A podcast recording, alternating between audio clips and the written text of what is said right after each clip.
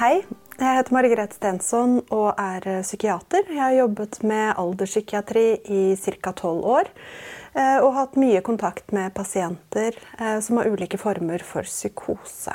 Jeg syns det er spennende mennesker å jobbe med. Psykose er kjent fra filmer som 'Gjøkeredet' og 'Et vakkert sinn'. Og omtales iblant i nyhetene, gjerne i forbindelse med voldshendelser, når det er spørsmål knyttet til gjerningspersonens eh, psykiske helse. Det er kanskje ikke så rart at psykose er både myteomspunnet og forbundet med fordommer. Psykose betegner en tilstand med endret virkelighetsoppfatning eller realitetsbrist. Årsak, symptombilde, eh, behandlingsmuligheter og prognose kan være forskjellige. En eh, grundig utredning er viktig for å avklare årsaksforhold og behandlingsmuligheter. Eh, et eksempel eh, fra det virkelige liv. En 82 år gammel kvinne henvises til alderspsykiatrisk avdeling etter gjentatte bekymringsmeldinger fra naboer. Kvinnen har anklaget naboene for å ta seg inn i leiligheten og stjele verdipapirer, lage hull og flekker på klærne hennes og hun mener de er ute etter å skade henne. Eh, kvinnen er glemsk, eh, og når man kartlegger litt nærmere, viser det seg at eh, hun har vært ganske mistenksom de siste årene, men tidligere i livet fungert godt i en kontorjobb. Eh, hallusinasjoner er endrede eller realitetsbristende sanseopplevelser. Eh, man kan ha realitetsbristende syns-, hørsels- eller luktopplevelser. Og man kan ha en realitetsbristende opplevelse av berøring. Dette kalles taktil hallusinose. Eh, man kan også ha ulike kombinasjoner av disse typene de ulike typene hallusinasjoner. Slike opplevelser eh, fortoner seg like virkelige for den det gjelder, som andre normale sanseopplevelser. Og det kan være vanskelig for andre å forstå. Vrangforestillinger. En vrangforestilling er en realitetsbristende virkelighetsoppfatning. Den kan være preget av depresjon eller oppstemthet. En depressiv vrangforestilling kan handle om at en står overfor økonomisk eh, ruin, uopprettelig skyld eller alvorlig sykdom, selv om det ikke er holdepunkt for dette. En manisk vrangforestilling preges av oppstemthet. Og den kan handle om at man har ubegrenset innflytelse eller makt. At man har overnaturlige evner, eller eh, at man har ubegrenset med penger. Paranoide vrangforestillinger de handler ofte om at noen mener seg utsatt for drapsforsøk, overvåkning, svindel eller komplott. En bisarr vrangforestilling er en overbevisning om noe som ikke er mulig. Som at et annet menneske er infiltrert igjen, eller at organer i kroppen flytter på seg. tankeforstyrrelser eller forvirring. Ved tankeforstyrrelser er selve tenkningen desorganisert. Den kan være kaotisk, den kan være repeterende, eller den kan stoppe helt opp. En som er tankeforstyrret, vil ofte oppleves som forvirret. Vedkommende kan ha vansker med å uttrykke seg, snakke usammenhengende, svare på siden av spørsmål, eller tenkningen eller kommunikasjonen kan stoppe helt opp. Mange som er tankeforstyrret, har også vansker med å forstå det som blir sagt eller kommunisert til dem. Psykose hos eldre. Psykose hos eldre kan skyldes psykisk sykdom som en person har hatt i en årrekke, eller det kan være uttrykk for nyoppståtte plager. Delirium er akutte forvirringstilstander som utvikler seg i løpet av timer til dager. Og de utløses av fysisk sykdom, skade, eller de kan være en bivirkning av medisinering. Det er viktig å fange opp tilstanden. Finne utløsende årsak eller utløsende årsaker eh, og gi adekvat behandling. Depresjon kan medføre endret virkelighetsoppfatning, det vi kaller depressive vrangforestillinger. Noen mister matlysten, eh, med betydelig vektnedgang som konsekvens. Noen ønsker eller forsøker å ta livet sitt. Ved psykotisk depresjon kan behandling være livreddende. Behandling omfatter miljøterapi, samtaler og medisinering. Hos disse pasientene har ECT, eller elektrosjokk, ofte svært god effekt. Kognitiv svikt og demens øker risikoen for psykose. Ofte i form av synshallusinasjoner eller paranoide vrangforestillinger. Hos enkelte er psykose det første tegnet på en demenssykdom. Studier har vist at rundt halvparten av de som har demens, har psykotiske symptomer. Dette har man sett ved Alzheimer-sykdom eh, og vaskulær demens. En demenssykdom som skiller seg litt ut, er demens med lev i legeme. Da er eh, synshallusinasjoner eh, spesielt vanlige.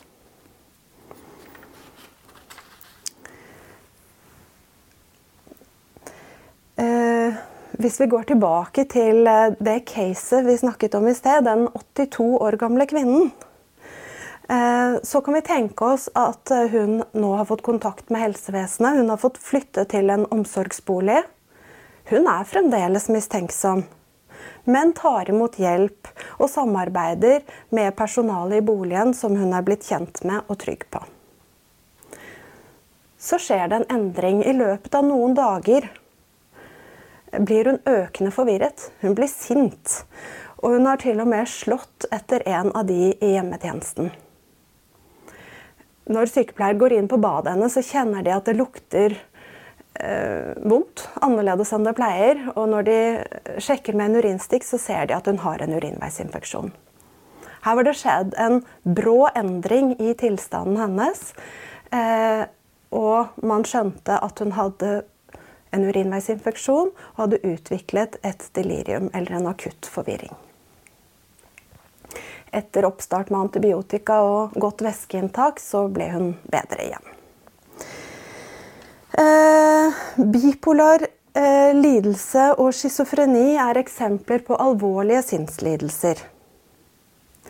De debuterer ofte i ung voksen alder så hender det også at disse lidelsene oppdages sent i livet. Men for de aller fleste så er dette sykdommer eh, og problemer de har levd med i mange år, og det er kjent problematikk. Et eksempel på dette er en 68 eh, år gammel mann eh, som ble innlagt i psykiatrisk avdeling fra legevakten. Han var blitt eh, hentet av politi etter at det var kommet bekymringsmeldinger eh, fra naboene. Han hadde blitt opplevd som både truende og seksualiserende. Eh, etter noen ukers innleggelse eh, var han roligere og man kan si tilbake til sitt vante jeg. Og da kunne han fortelle at han hadde vært overbevist om at han var sendt av Gud og hadde et spesielt oppdrag. og det handlet bl.a. om at han eh, skulle uh, flørte med kvinner og oppsøke dem.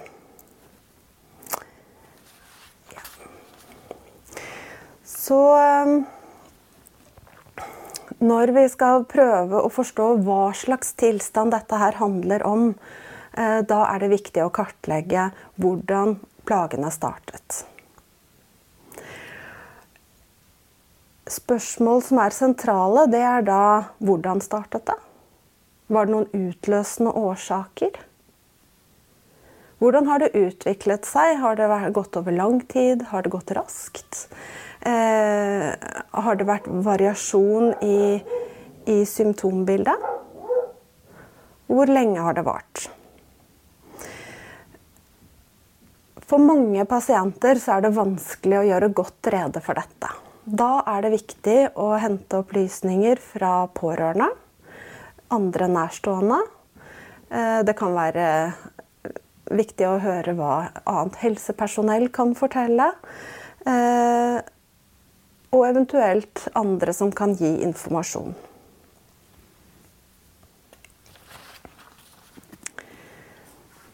Når vi kartlegger eh, eh, sykdomsutvikling, så er jo pasientens bakgrunn viktig å bli kjent med. Familie, historie og arv kan si noe om pasienten har en arvelig belastning. Men det kan også si noe om forhold rundt pasienten som kan ha bidratt til sykdomsutvikling. Familieforhold, utdanning og yrke kan vise hva pasienten har hatt av ressurser tidligere i livet. Eh, og man kan få en pekepinn på om dette har endret seg i det siste. Man får også oversikt om, over hva pasienten har av støtte nå. Rus øker risikoen for både fysisk og psykisk sykdom. Cannabis, amfetamin og kokain Eh, er kjent for at de kan utløse psykose. Samtidig er det en kjensgjerning at mange bruker rus for å dempe fysiske og psykiske plager. Så her kan det være sammensatte årsaksforhold. Fysisk sykdom kan eh, ledsages av psykose.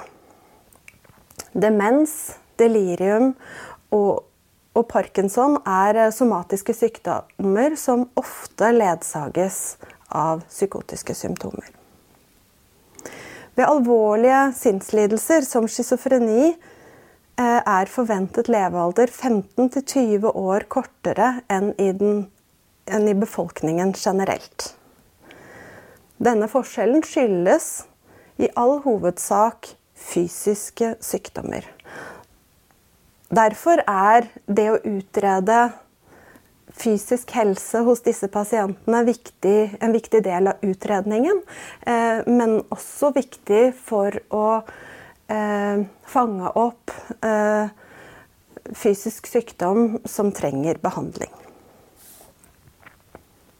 Tidligere historikk med hensyn til psykisk sykdom, volds- og selvmordsproblematikk er viktig for å vurdere i hvilken grad slik problematikk er aktuell nå, og for å vurdere fremtidig risiko for dette. Medisiner og annen behandling kan være årsak eh, til psykosen, men det er også viktig eh, å kartlegge for å vurdere eh, pasientens eh, totale situasjon.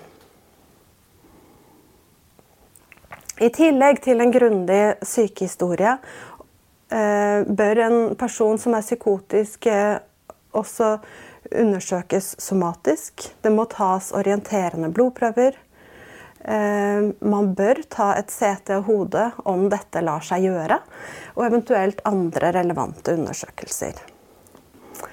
Eldre pasienter bør også utredes kognitivt. Dette bør skje på et tidspunkt da eh, depresjon, mani eller psykose er godt behandlet og pasienten kan yte sitt beste. Det å kartlegge symptomer er en viktig del av utredningen, slik at en kan sette en diagnose og gi eh, nødvendig behandling. I tillegg sier pasientens symptomer oss noe om hva vi bør tenke på for å sikre god kommunikasjon og samhandling med pasienten. Dette skyldes at eh, psykose ofte påvirker pasientens evne til kommunikasjon og samhandling. Eh, pasientens perspektiv gir oss informasjon om tilstanden. Men det er også sånn at det å bli kjent med pasientens perspektiv og forståelse er nødvendig for å bygge tillit. Det er også sånn at det å være forutsigbar, det å holde avtaler, eh, er med på å bygge tillit. Og man kan tenke seg at for en person som opplever verden utrygg og uforutsigbar, så er det ekstra viktig og ekstra trygt at noen oppleves pålitelige og holder seg til det som er avtalt. Både hørselshallusinose og tankeforstyrrelser påvirker konsentrasjon og oppmerksomhet. Pasienter som er tankeforstyrret eller hallusinert, trenger ofte at vi tar hensyn til det i kommunikasjon med dem. Det kan handle om at vi bruker færre ord enn vi ellers ville ha gjort. Det kan handle om at vi bruker mer tid i samtale, og noen ganger kan vi trenge å dele opp samtalen sånn at man har flere korte samtaler istedenfor en veldig lang. Eh, det kan også være viktig å tilpasse hvilke ord man velger å bruke. Det gjelder i og for seg alle pasienter, at man bruker ord pasienten forventes å forstå. Eh, så er det sånn at vi som jobber med eldre pasienter, vi må alltid være oppmerksom på at mange har nedsatt syn eller nedsatt hørsel. Eh, det har mye å si for deres evne til kommunikasjon og er viktig å ta hensyn til. Mange har også en nedsatt kognitiv funksjon. Eh, det vil også påvirke evnen til kommunikasjon betydelig. Eh, ofte kan en årvåkenhet eh, fra oss i forhold til å følge med på om pasienten forstår det vi sier og henger med i samtalen, eh, være viktig eh, for å fange opp og, eh, og sørge for at vi kommuniserer sånn at vi blir forstått mange pasienter med psykose er mistenksomme eller eh, paranoide. Eh, og mange av de som er mistenksomme, vil jo reagere hvis man stiller mange spørsmål. Eh, derfor kan det være vanskelig å ta opp en, det vi kaller en vanlig sykehistorie fra disse pasientene. Eh, de vil lure på hvorfor man spør om ting, eh, om vi har med det å gjøre. Eh, og ofte bli enda mer mistenksomme enn de var i utgangspunktet. Så noen ganger så er det vanskelig å gjennomføre en samtale som et strukturert intervju. Sånn som man f.eks. lærer når man studerer medisin.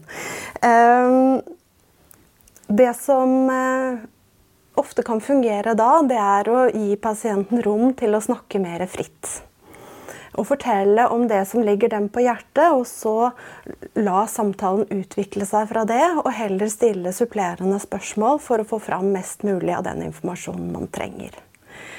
Ehm, min erfaring er at det ofte er med på å, bygge relasjon og kan være et godt utgangspunkt til både å få innblikk i hvordan pasienten opplever situasjonen sin, eh, få tak i hva som er viktig for pasienten, eh, og eh, lage et utgangspunkt for godt fremtidig samarbeid. Man kan si veldig mye om psykose og, og mye om både utredning og behandling. Og mye kan virke både mystisk og rart. Eh, men etter å ha jobbet med disse pasientene i mange år, så eh, er min erfaring at mange kjenner på mye skam. Mange kjenner på at de ikke føler seg forstått. Eh, og at andre ikke tror på en del av de tingene som plager og bekymrer dem mest.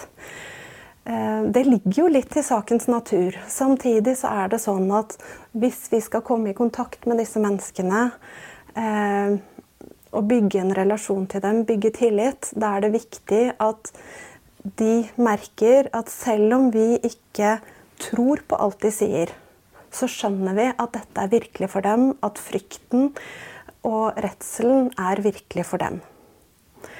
Eh, det kan man eh, vise ikke ved å si at man tror på alt de sier, men ved å bekrefte eh, at man forstår at de f.eks. er redde. En annen ting som er viktig å være bevisst, det er å møte også disse med vennlighet. Det er enkelt, men eh, ofte overraskende eh, viktig og virkningsfullt. Eh, det samme kan man si om respekt. Eh, mange av de eh, som jeg har truffet med psykose, eh, kan ha en livsførsel eller en fremtoning som man ikke alltid forbi inngir respekt. men det er desto viktigere å, å vise det, tenker jeg. Det siste som jeg har lyst til å holde fram som viktig i møte med disse pasientene, det er å gi tid. Eh, de fleste deler av helsetjenesten er presset på tid. Eh, men det å bygge tillit, bygge relasjon og få til samhandling med eh, pasienter som har en psykose, det krever tid. Og, det er ofte helt avgjørende for at vi skal lykkes.